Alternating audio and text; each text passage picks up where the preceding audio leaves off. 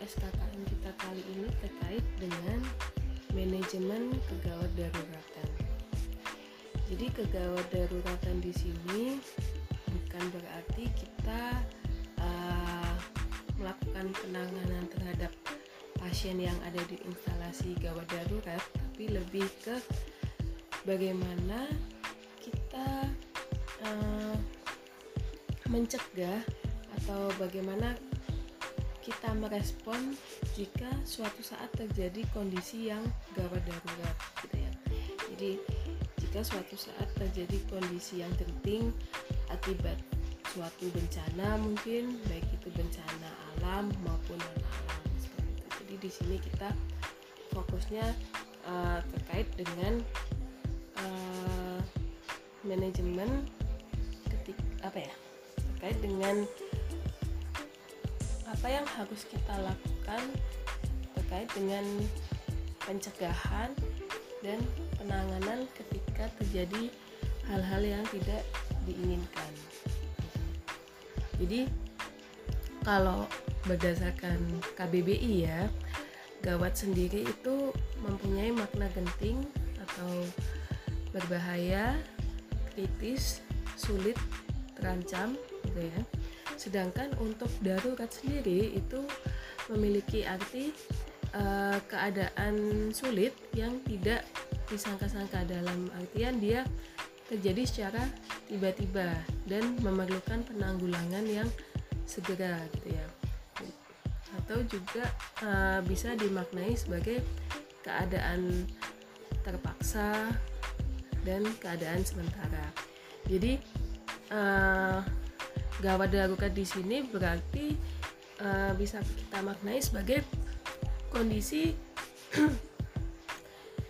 yang terjadi secara tiba-tiba gitu ya. Jadi kondisi genting yang terjadi secara tiba-tiba dan uh, dia membutuhkan penanggulangan secara segera gitu ya, secepatnya gitu.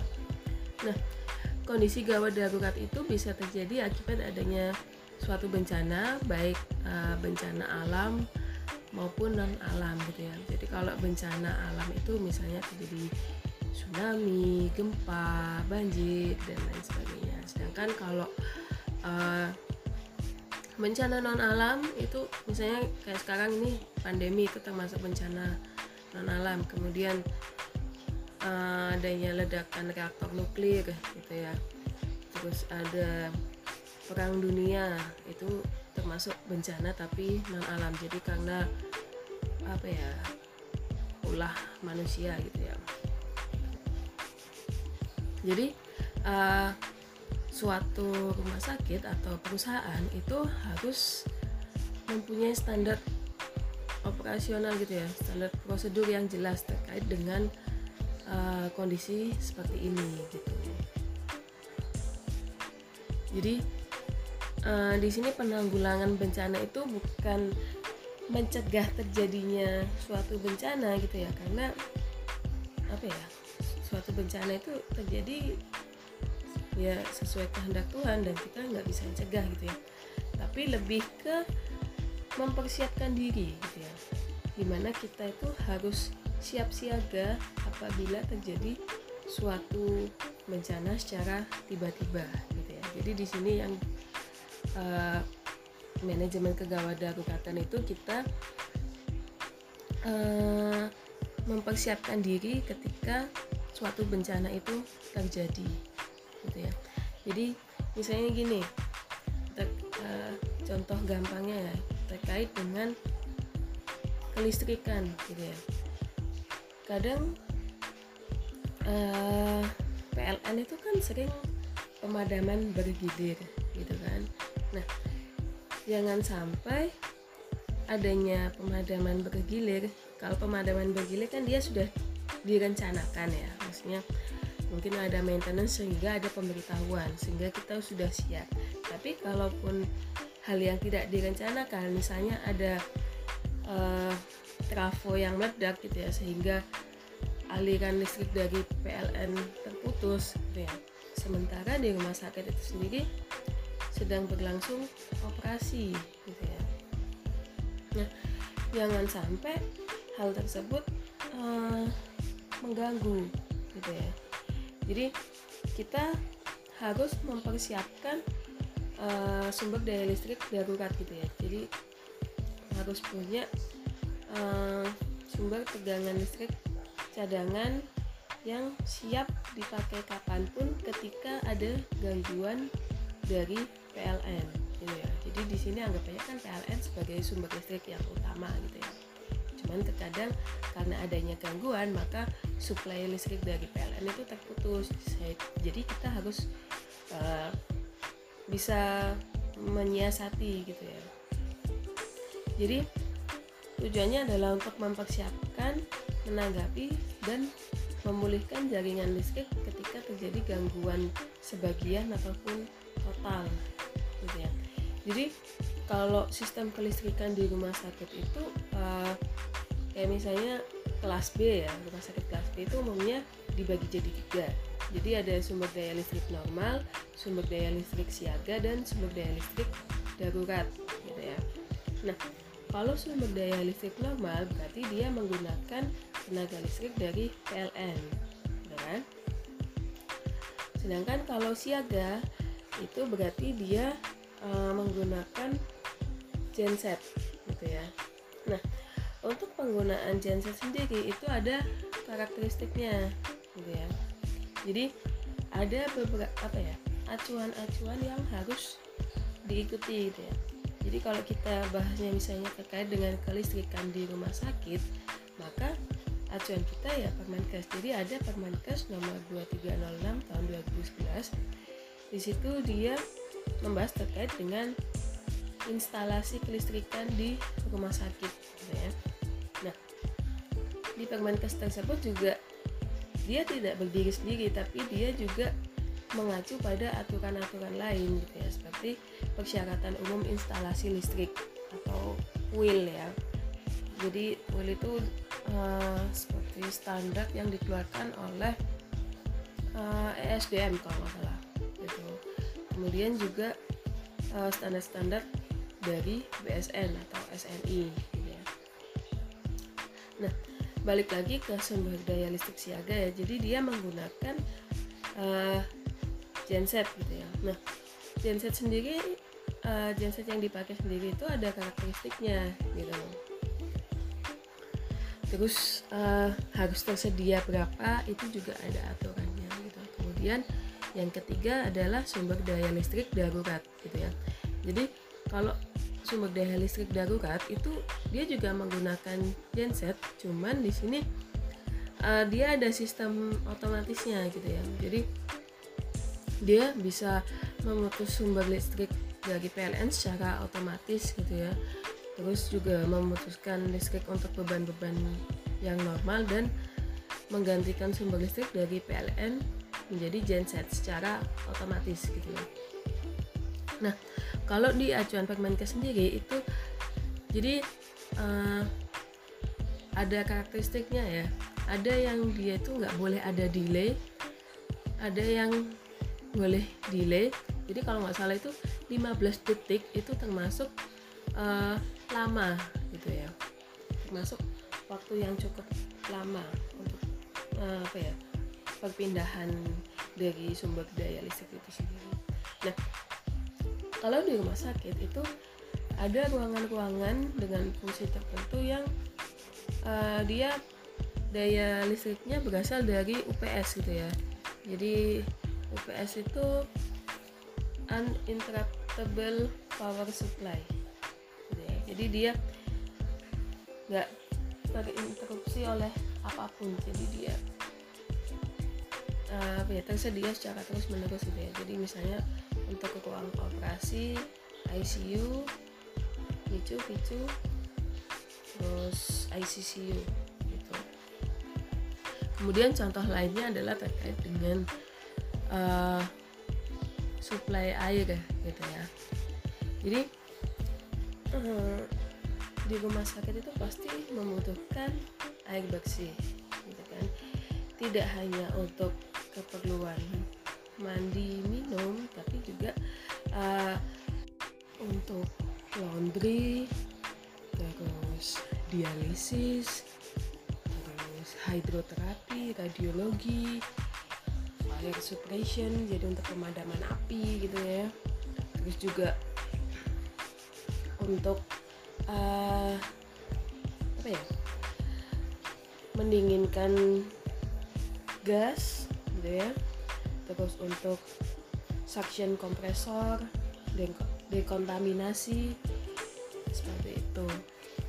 Nah jangan sampai uh, ketika dibutuhkan terus ada kendala gitu ya. Jadi misal uh, kayak adanya bencana ya adanya bencana. Terus habis itu adanya gangguan apa kerusakan konstruksi. Misalnya ada kebocoran pipa seperti itu ya yang akan menyebabkan suplai air terganggu maka kita harus bisa gitu ya menyediakan atau harus punya suplai air cadangan gitu ya. Agar mm, semua kegiatan di suatu rumah sakit atau perusahaan yang memang memerlukan air itu tidak terganggu. Nah, jadi uh, di sini untuk penanganan suplai air darurat ya, itu kita bisa mengawalinya dengan membuat tim, gitu ya. Di mana tim ini bertanggung jawab untuk melakukan uh, analisis kemungkinan-kemungkinan terjadinya apa analisis terkait dengan masalah-masalah yang mungkin terjadi gitu ya. Nah setelah mereka bisa apa setelah mereka selesai mengidentifikasi masalah maka harapannya tim ini bisa membuat suatu regulasi gitu ya atau uh, bisa kita sebut dengan SOP gitu ya. SOP terkait dengan suplai air darurat ini terus juga uh, perlu dilakukan audit secara berkala ya. Jadi kita harus melakukan pengecekan apakah ada kebocoran pipa apakah ada korosi atau ada hambatan gitu ya. Seperti misalnya uh, apa hidran ya.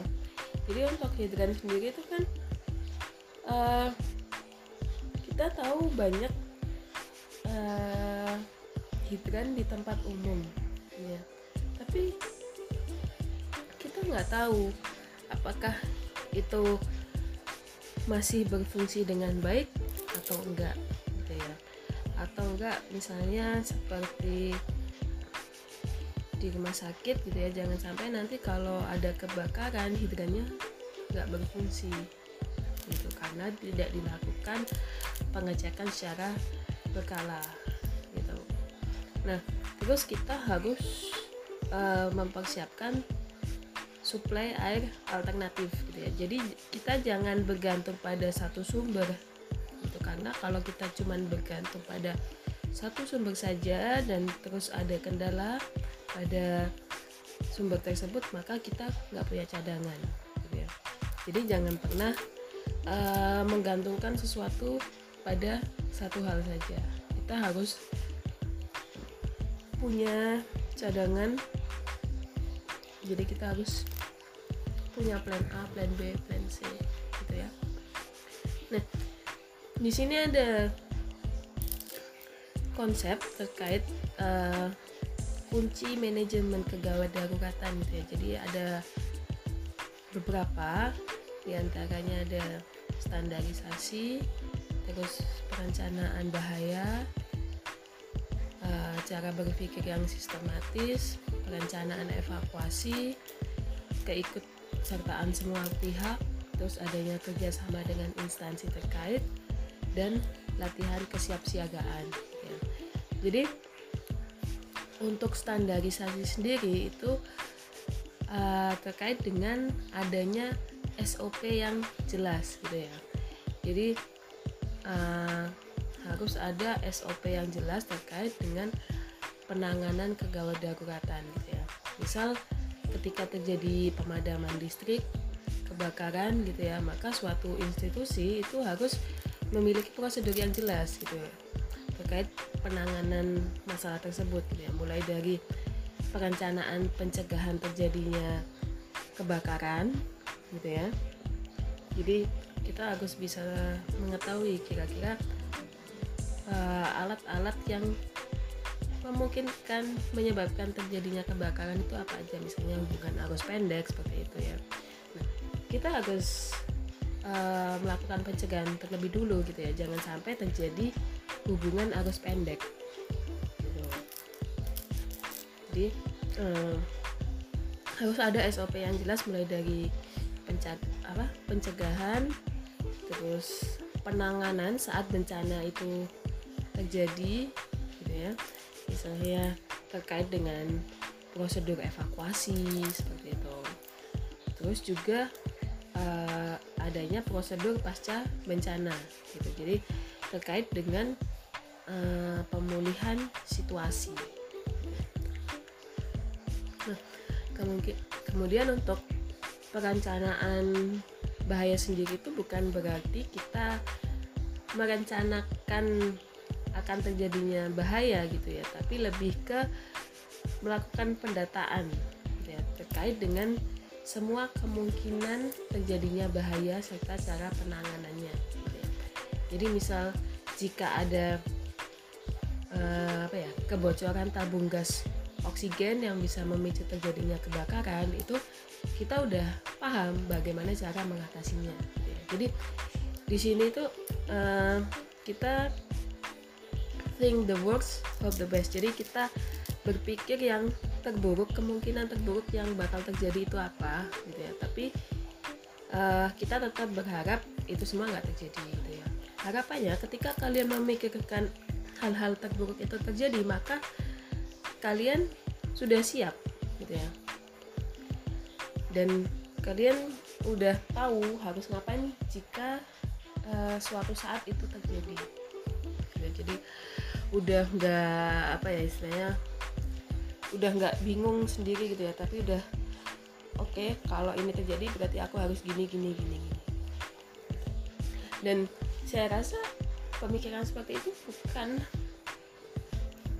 hanya untuk apa ya manajemen kegawat daruratan di suatu instansi tapi itu juga bisa diaplika, uh, diaplikasikan dalam kehidupan kita sehari-hari gitu Nah, kemudian cara berpikir yang sistematis gitu ya. Jadi berpikir yang sistematis itu tujuannya adalah agar kita tidak salah langkah dalam mengambil suatu tindakan gitu. Jadi di sini kita dituntut untuk memahami sistem yang kompleks dengan memahami bagian-bagian dari sistem tersebut gitu ya. Sehingga kita bisa mengetahui pola hubungan yang ada dalam setiap unsur sistemnya gitu ya. Jadi kita harus bisa mengidentifikasi suatu permasalahan sebelum mengambil tindakan tertentu gitu. Jadi uh, di sini apa ya logika berpikirnya harus main gitu ya. Jangan uh, melakukan tindakan yang gegabah sementara itu membahayakan diri kalian atau bahkan membahayakan orang lain. Ya kalau membahayakan diri kalian sendiri sih ya nggak apa-apa lah ya. Ibaratnya kan kalian nggak mengorbankan orang lain gitu.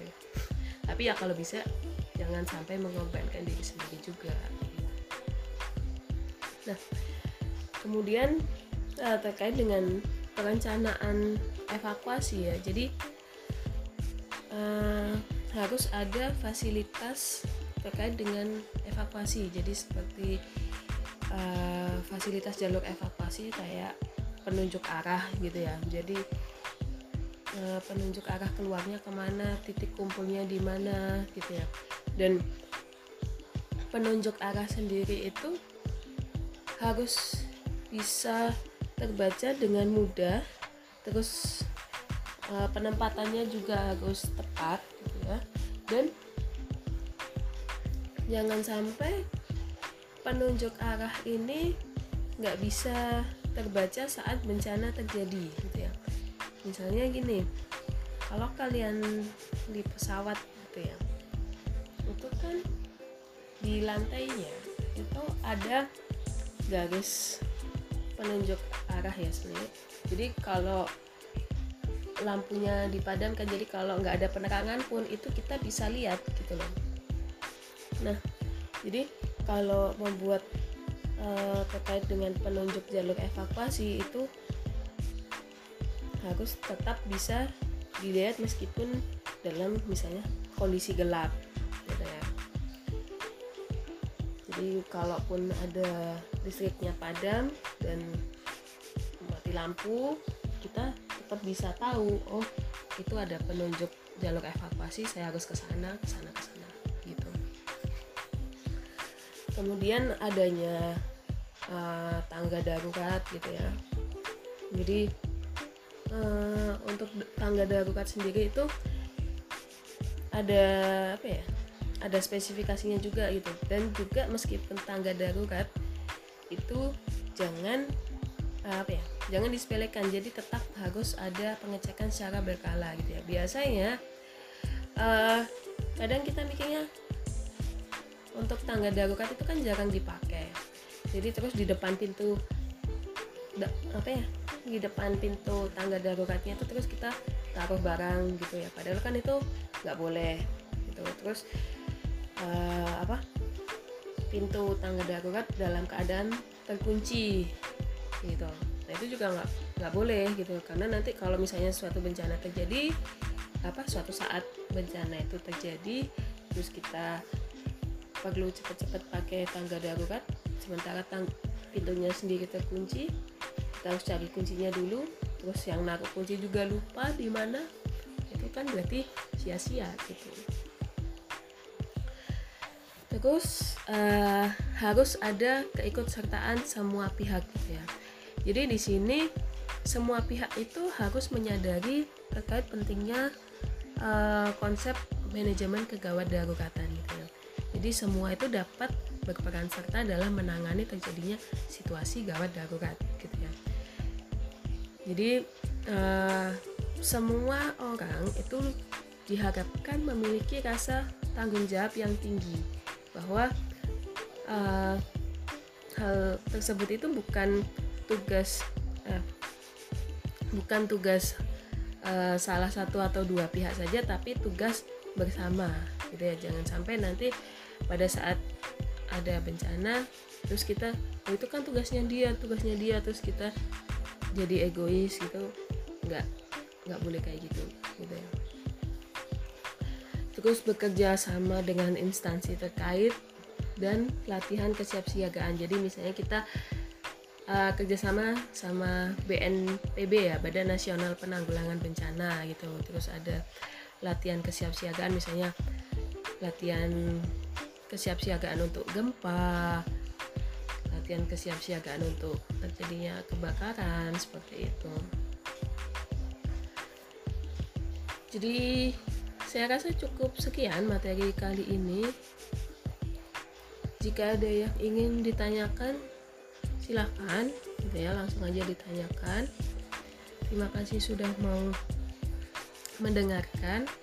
Tetap sehat tetap semangat dan semoga pandemi ini segera berakhir. Terima kasih